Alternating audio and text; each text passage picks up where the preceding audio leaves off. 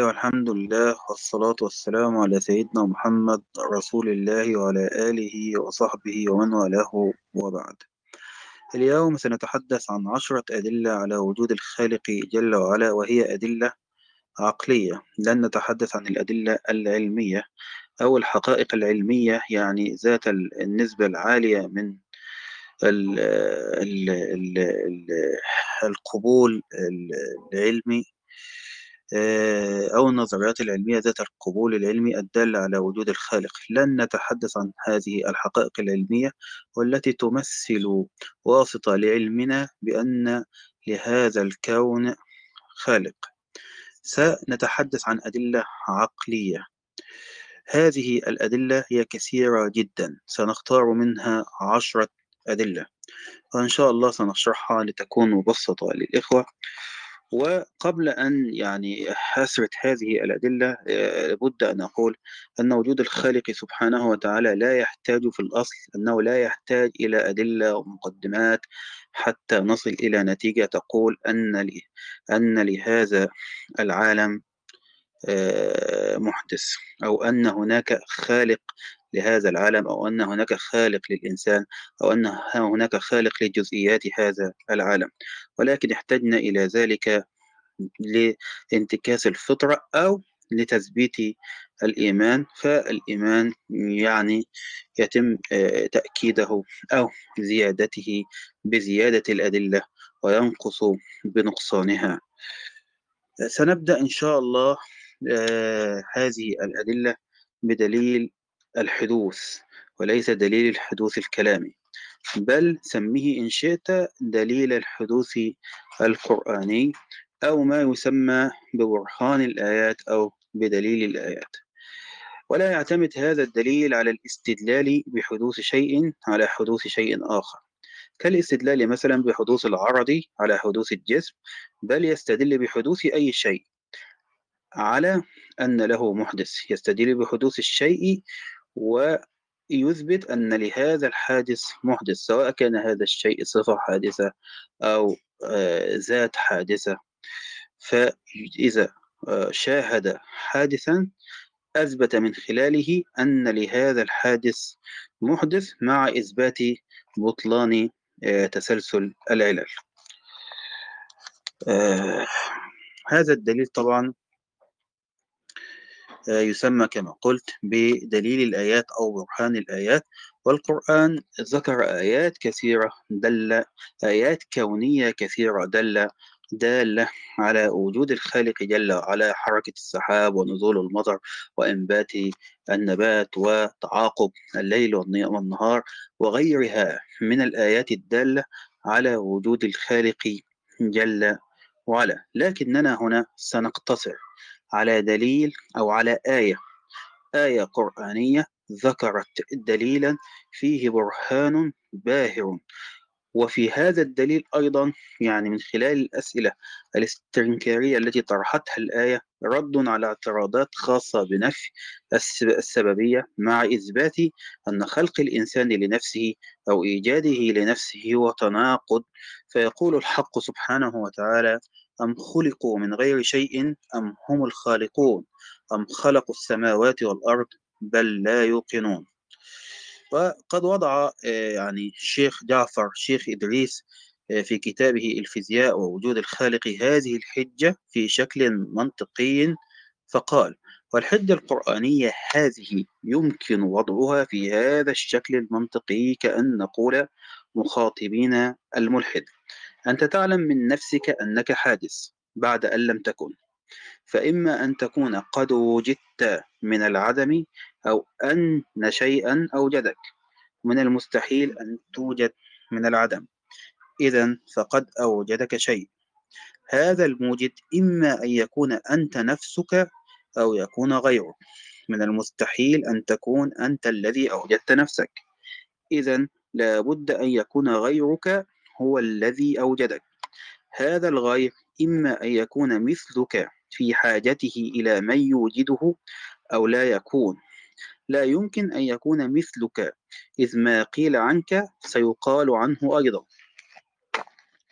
لا بد إذن أن يكون خالقا غنيا بنفسه غير مفتقر إلى من يوجده وهذا هو الله تعالى. هكذا صاغ يعني الشيخ آه، الشيخ آه، إدريس هذه الحجة القرآنية في شكل آه، برهاني واضح. وهي يعني بصراحة دون لا تحتاج إلى صياغات برهانية أو صياغات في شكل منطقي بل الآية فعلا تخاطب العقل وتخاطب الفطرة. أم خلقوا من غير شيء أم هم الخالقون أم خلقوا السماوات والأرض؟ بل لا يوقنون. هذا هو الدليل الأول وأنا في اعتقادي أنه أوضح الأدلة وأفضل الأدلة وهو لا يعتمد على إثبات حدوث الجسم بحدوث ما يقوم به من الأعراض بل إثبات يعتمد على إثبات من إثبات حدوث أي شيء في هذا الكون والحوادث مشاهدة بضرورة الحس ثم الانتقال منها على إثبات المحدث الأزلي مباشرة. آه نأتي إلى الدليل الثاني وهذا الدليل يعتمد أولا على إثبات حدوث العالم ثم الاستدلال بحدوثه على أن له محدث. وهذه الطريقة ليست هي نفسها طريقة الأعراض أو طريق أو دليل الحدوث الكلامي أو آه، ما يسمى دليل الأعراض أو إثبات حدوث الجسم أو حدوث الأجسام بحدوث الأعراض. ولكنه يعتمد من خلال طريقة معينة أو من خلال إثبات حدوث جزئيات من الكون وهو أمر مشاهد بالضرورة ثم الاستدلال بحدوثها على أن خالقها ليس علة تامة موجبة بالذات لأنها تستوجب قدم معلولها فلا فلا تكون علة لهذه الحوادث. فلا تكون العلة التامة علة لهذه الحوادث فتكون هذه الحوادث وغيرها من الحوادث نتاج آه سبب وفاعل بالاختيار. ولقد قرر تلك الطريقة الشيخ سلطان العميري في كتابه ظاهرة نقد الدين وذكر أنها طريقة ابن تيمية فقال ومن أشهر من تبنى هذا الموقف ونظر له واستدل عليه ابن تيمية فإنه كرر كثيرا بأن حدوث العالم لا يشترط فيه البحث في إثبات حدوث كل مكوناته وإنما يكفي في إثبات ذلك إثبات الحدوث لبعض مشاهده الجزئية. طبعا هذا الكلام في كتاب ظاهرة نقد الدين في الفكر الغربي الحديث مكتبة تكوين الطبعة الثانية الجزء الثاني صفحة 130 لمن أحب أن يعود إلى المرجع. ثم قال وتوسع كثيرا يقصد ابن تيمية في بيان وجه كون الحدوث لبعض جزئيات الكون كافيا في الدلالة الضرورية على حدوثه بأجمعه. فذكر أن حدوث المحدثات يستلزم بالضرورة محدث محدثا لها. والمحدث لا يخلو إما أن يكون علة تامة موجبة بالفعل بذاتها وإما أن يكون سببا. متصفا بالمشيئة والاختيار ويستحيل أن يكون محدث تلك الحوادث علة تامة لكون العلة التامة تستوجب قدم معلولها ومقارنته لها في القدم لاستحالة تخلف الم... تخلف المعلول عن علته التامة. فيثبت أن الحوادث يستحيل. أن الحوادث يستحيل أن تحدث بعلة تامة البتة وأنه يجب أن يكون محدثها متصفا بالاختيار والمشيئة. نفس المرجع صفحة 130 لصفحة 131 قلت هذا حكم عام في كل حادث. فلا يصدر أي حادث عن علة تامة أزلية موجبة بالطبع. فكل الحوادث سواء كانت الحوادث المشاهدة أو غير المشاهدة لا يمكن أن تكون صادرة عن علة تامة أزلية موجبة بالطبع أو بالذات.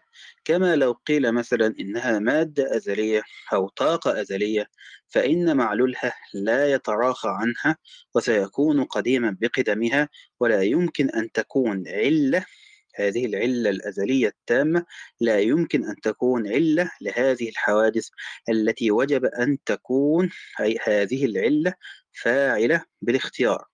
وهذه الطريقة لا نحتاج فيها إلى إثبات حدوث العالم كما قلنا بحدوث الأعراض التي تعني ما يقوم بغيره. الأعراض هو يعني ما يقوم بغيره لأن هناك ما يقوم بغيره ولا يكون حادثا وهي صفات الموجود القديم المتصف بكل صفات الكمال وصفاته قديمة بقدمه. ويجب التنبيه على أن هذه الطريقة ذكر الشيخ سلطان أنها تعتمد على قياس التمثيل بقوله لأن العقل الإنساني لديه علم ضروري بحدوث كثير من مشاهد الكون ولديه ولديه جهل بحال الأجزاء الأخرى التي لم يشاهدها فيقيس الجزء المجهول الذي لم يشهده على الجزء المعلوم عنده ويأخذ بما علمه ويعتبر ما جهله مساويا له وهو قياس الغائب على الشاهد أي قياس التمثيل نفس المرجع من صفحة 131 إلى صفحة 132 لذا فقد قرر هذا الدليل حدوث كل العالم بحدوث جزئيات مشهودة وقياس ما غاب عليها وقياس ما غاب عليها يعني قياس ما غاب من الحوادث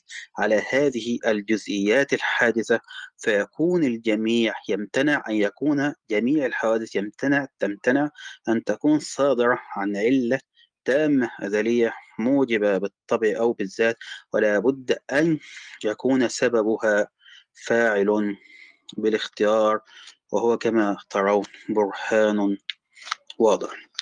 هذا هو الدليل الثاني أما الدليل الثالث طبعا هو دليل مشهور هو دليل الإمكان. ويعني آه، سنسرد فيه أيضا يعني نوعين من الإمكان. سيكون الدليل الثالث هو دليل إمكان متعلق بممكنات مشاهدة تفتقر في وجودها إلى واجب لا نحتاج إلى إثبات إمكان كل العالم. ثم بعدها سنستدل في الدليل الرابع سنثبت أولا إمكان العالم كله وبعد أن نثبت إمكان العالم سنثبت أن لهذا العالم مرجح تام أو واجب أو أنه يفتقر في وجوده إلى واجب يرجح وجوده على عدمه. الدليل الثالث كما قلنا هو دليل الإمكان المتعلق بإثبات أن لهذه الممكنات المشاهدة آه، واجب. أو مرجح. تام. أولا لا بد أن نعرف معنى الممكن. الممكن هو الذي يقبل الوجود ويقبل العدم. أي يجوز. أي يوجد ويجوز ألا يوجد. فيفتقر لمن يرجح وجوده على عدمه. فلا يقال إن وجوده أولى من عدمه. على فكرة هذه من الشبهات. قد يقال إن الممكن قد وجد من العدم لأن وجوده أولى من عدمه. قلنا لا يقال إن وجوده أولى من عدمه لأن تلك الأولوية لو كانت صفة ذاتية له أو صفة لازمة له لما كان وقت أولى بها من وقت. ولو كان ولا كان موجودا منذ الأزل مش هيبقى في وقت أولى من وقت هيكون موجود منذ الأزل. ولو اكتسب تلك الصفة بأن عرضت له بعد أن لم تكن لاحتاجت إلى مرجح يرجح وجودها على عدمها وبالتالي ينتهي إلى أن الممكن يفتقر في وجوده إلى مرجح. إذا في العالم ممكنات مشاهدة بالضرورة فنحن نرى أشياء توجد بعد عدم لذا هي قابلة للوجود وإلا ما وجدت وقابلة للعدم وإلا ما كانت معدومة قبل أن توجد. وهذه الممكنات تفتقر في وجودها إلى المرجح. وهذا المرجح لو كان ممكنا آخر لافتقر إلى مرجح ويتسلسل الأمر تسلسلا في العلل وهو باطل. هذا هو الدليل الثالث. الدليل الرابع والاستدلال إثبات أولا إمكان العالم كله أو إمكان الكون الذي نعيش فيه ثم إثبات أنه يفتقر في وجوده إلى المرجح التام أو الواجب. تبرز هذه الطريقة إمكان العالم أولا كما قلنا ثم افتقاره إلى واجب. وقد قررها يعني الدكتور هشام عزمي في كتابه الإلحاد للمبتدئين مستعينا. بنقل عن ابن تيمية فقال الدكتور هشام عزمي أما دليل إمكان الزواج فيقرر أن كل ما نشاهده في هذا العالم يجوز في العقل وجوده وعدمه فهو إما أن يكون موجودا أو يكون معدوما أي أنه ممكن الوجود وليس بواجب وما كان كذلك فالوجود والعدم له سيان. يقول شيخ الإسلام ابن تيمية هذا النقل نقله دكتور هشام عزمي عن الشيخ عن شيخ الإسلام ابن تيمية يقول يقول شيخ الإسلام ابن تيمية ثم من المعلوم أن بعض أجزاء العالم يشاهد عدمه بعد الوجود ووجوده بعد العدم كصور الحيوان والنبات والمعدن وأنواع من الأعراض. وهذا معلوم بالحس أنه ليس بواجب الوجود أنه ليس واجب الوجود بل هو ممكن الوجود لقبوله العدم. وما كان واجب الوجود لذاته وما كان واجب الوجود لذاته لا يقبل العدم إذ لو قبل العدم لكان ممكن الوجود وممكن العدم.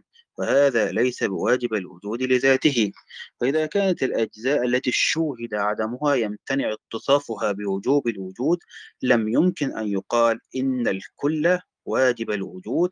هذا النقل الذي نقله الدكتور هشام عزم عن الشيخ الإسلام ابن تيمية موجود في بغية المرتاد في الرد على المتفلسفة.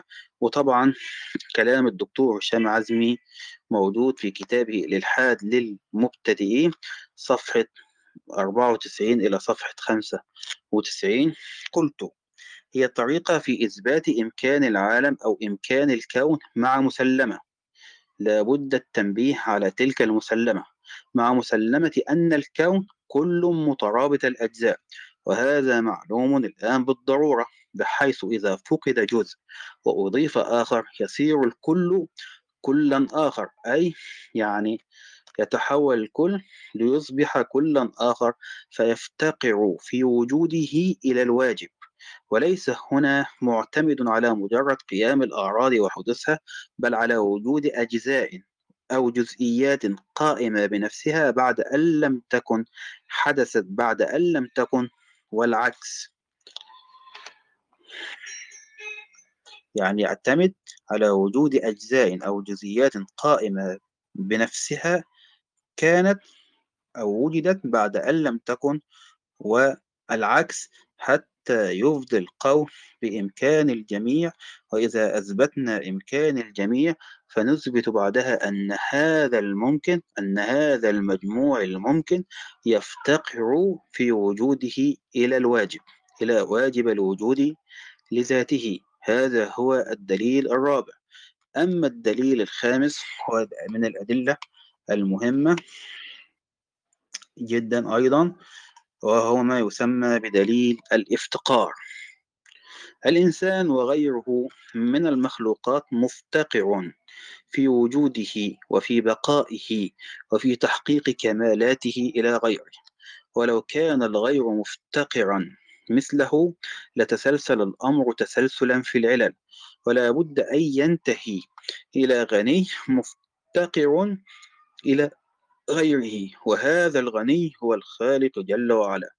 الإنسان كما تعلمون وباقي المخلوقات المشاهدة هي مفتقرة في وجودها وفي استمرار وجودها وفي صفتها إلى غيرها ولا بد أن تنتهي إلى غني غير مفتقر كما وضحنا.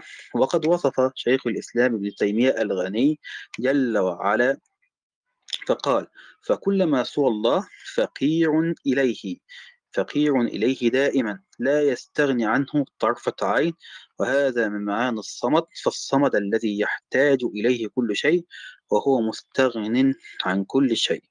هذا الكلام طبعا في الرد على المنطقيين صفحة 346 هذا هو الدليل الخامس. أما الدليل السادس فهو دليل التخصيص بشرط الحدوث.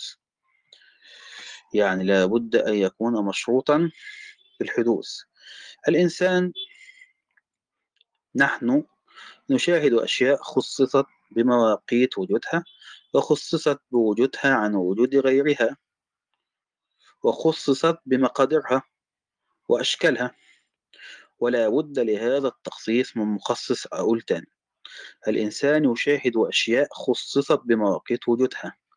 أي حدثت في وقت دون وقت وجدت في وقت دون وقت وخصصت بوجودها عن وجود غيرها. يعني هذه الحوادث العقل يجوز أن يوجد غيرها. فكون هذا الحادث وجد عن غيره لا بد من مخصص يخصص وجود هذا الحادث عن وجود غيره. وخصصت بمقادير بمقاديرها وأشكالها ولا بد لهذا التخصيص من مخصص يقول ابن تيمية. يعني في الربط بين الحدوث والتخصيص فإن الصفات والأشكال حوادث والتقدم والتأخر إضافة للحوادث إلى وقتها فهو صفة في الحدوث كإضافة الحادث إلى مكانه وكل ذلك مما يعلم بصريح العقل وفطرته السليمة أنه لا بد له من محدث مخصص فاعل مؤلف سواه.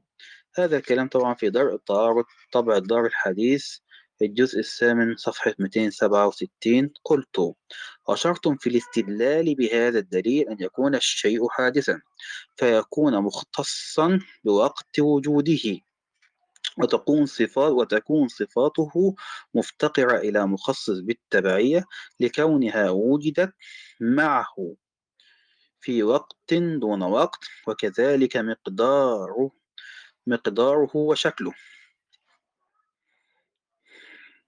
فليس كل اختصاص يوجب مخصصا وإلا فالخالق لا يفتقر في وجوده ولا في صفاته إلى مخصص لأنه طبعا واجب الوجود لذاته وصفاته واجبة بوجوده أو لأنه قديم وصفاته قديمة لقدمه أو قديمة بقدمه.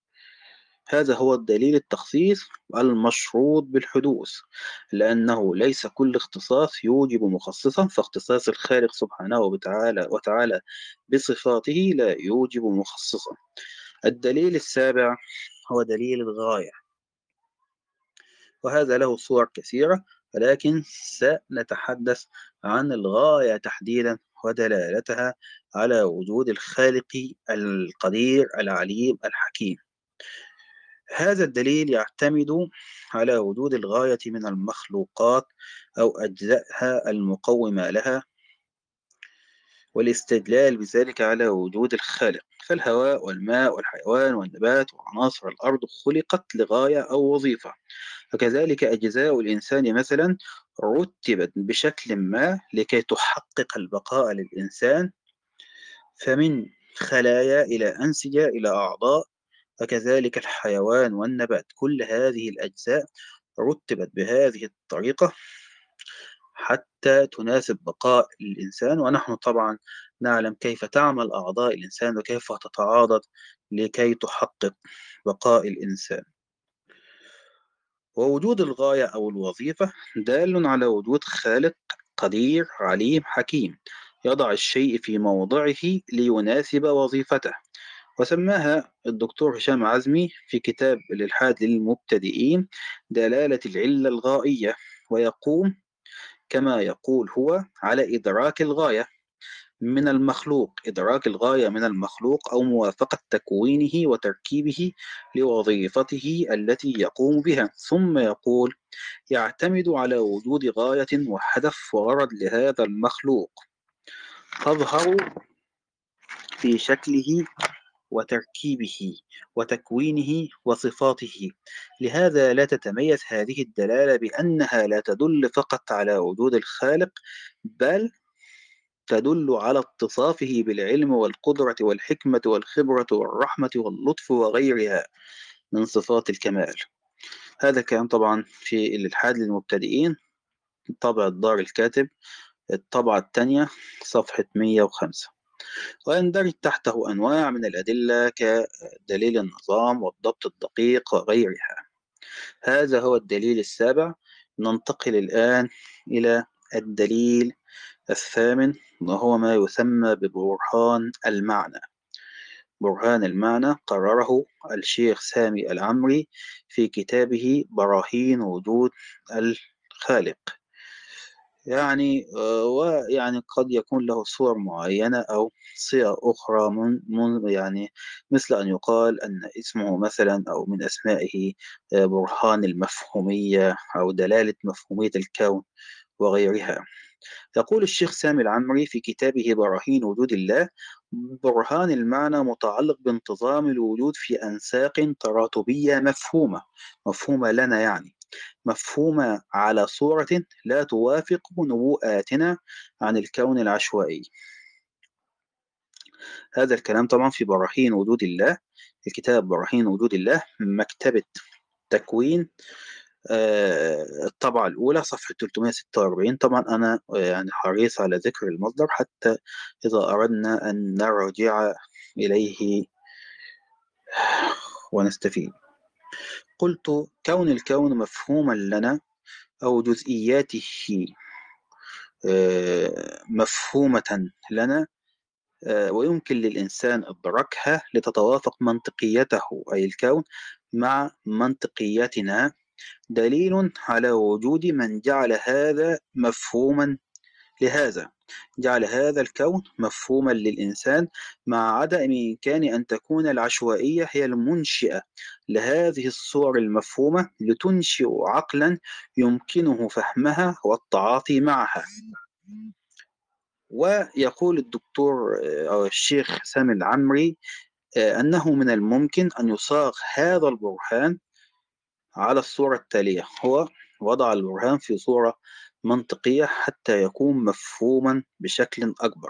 يقول الانتظام على صورة مفهومة ومعجبة معجبة للإنسان يعني لا يمكن أن يعزى إلى العشوائية. واحد. اثنين. الوجود المادي منتظم على صورة مفهومة ومعجبة. ثلاثة. نظام الوجود المادي لا يعود إلى العشوائية. أربعة. أصل النظام في الوجود المادي يعود إلى الحكمة القصدية القديرة. خمسة الله هو الذي أبدع نظام الكون. قلت المعنى مثلا يعني هضرب مثال المعنى يجعل اللوحة التي رسمها مثلا فنان آه، معين يجعل لها معنى. ولو تعاطى معها الإنسان على أنها مجموعة من المواد التي مثلا استخدمت في الرسم أو التلوين وغيرها أو مجموعة من الخطوط التي لا معنى لها وهذا بالتحديد هو تصور الفكر المادي للكون أن هذه الأشياء التي نراها مرتبة ومفهومة لنا ومتناسبة مع منطقيتنا هي منطقية ومتناسبة أو متفقة مع منطقيتنا. نحن دال على أن هذا المعنى أو أن هذه الأشياء المفهومة لنا أن هناك من وضعها على هذه الصورة حتى تكون مفهومة لنا. هذا هو برهان المعنى الذي قرره الشيخ سامي العمري وهذا هو الدليل الثامن. أما الدليل التاسع فهو آه، قد نسميه دليل السببية أو دليل السنن الكونية أو دليل القوانين الفيزيائية. يعني الوهلة الأولى هو ليس دليل علمي تجريبي بل يعتمد على السنن الكونية التي يراها الرجل العامي أصلا. هذه السنن الكونية دالة على أن خالقها على أن لها خالق. هذا الدليل يعتمد على مشاهدات ضرورية.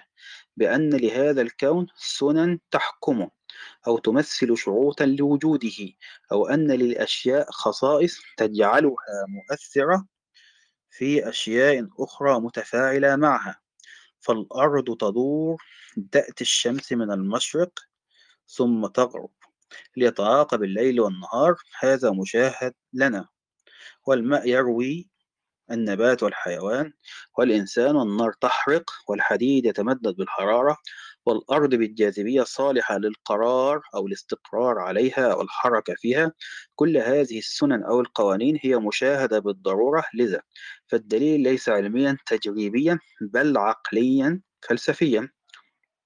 وتجسد هذه السنن الكونية أو السنن السببية فقر وحاجة المخلوقات فقر وحاجة المخلوقات إلى خالقها. ولقد تحدث الدكتور أحمد إبراهيم في كتابه اختراق عقل عن السببية أو السنن الكونية أو القوانين في إطار صياغته لهذا الدليل الذي سماه دليل السببية. فقال السببية إذن تعني العجز والنقص وهنا يقصد السنن السببية أو السنن الكونية. يقول السببية إذن تعني العجز والنقص والفقر وتدل, وتدل على القيوم الواحد القهار. ولو أردنا أن نبحث عن معنى مرادف لمفهوم السببية لكان القانون الحاكم الذي فرضه الله على كل شيء.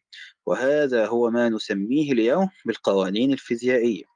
فهذه القوانين عبارة عن شروط معينة تحكم الظواهر الفيزيائية فلا يمكن أن توجد الظاهرة إلا إذا وجدت قبل ذلك الشروط وإذا زالت الشروط تلاشت الظاهرة الفيزيائية.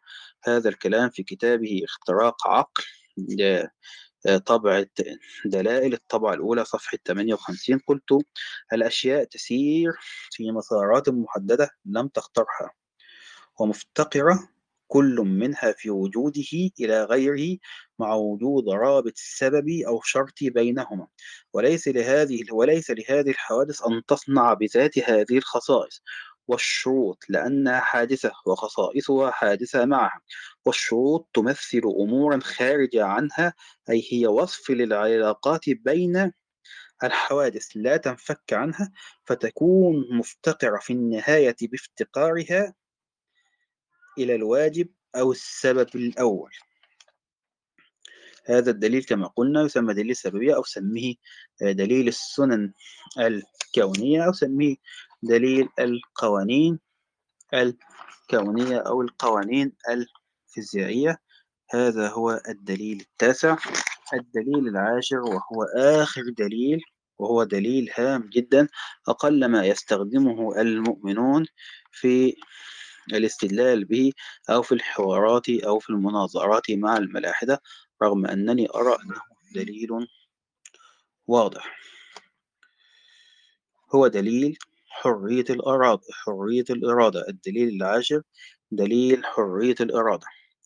هو من الأدلة على وجود الخالق من الأدلة على وجود الخالق إرادة الإنسان الإرادة التي يتصف بها الإنسان. ولا بد ولا بد والتي لا بد أن يكون مصدرها وخالقها في الإنسان هو سبب يتصف بالفعل والإرادة.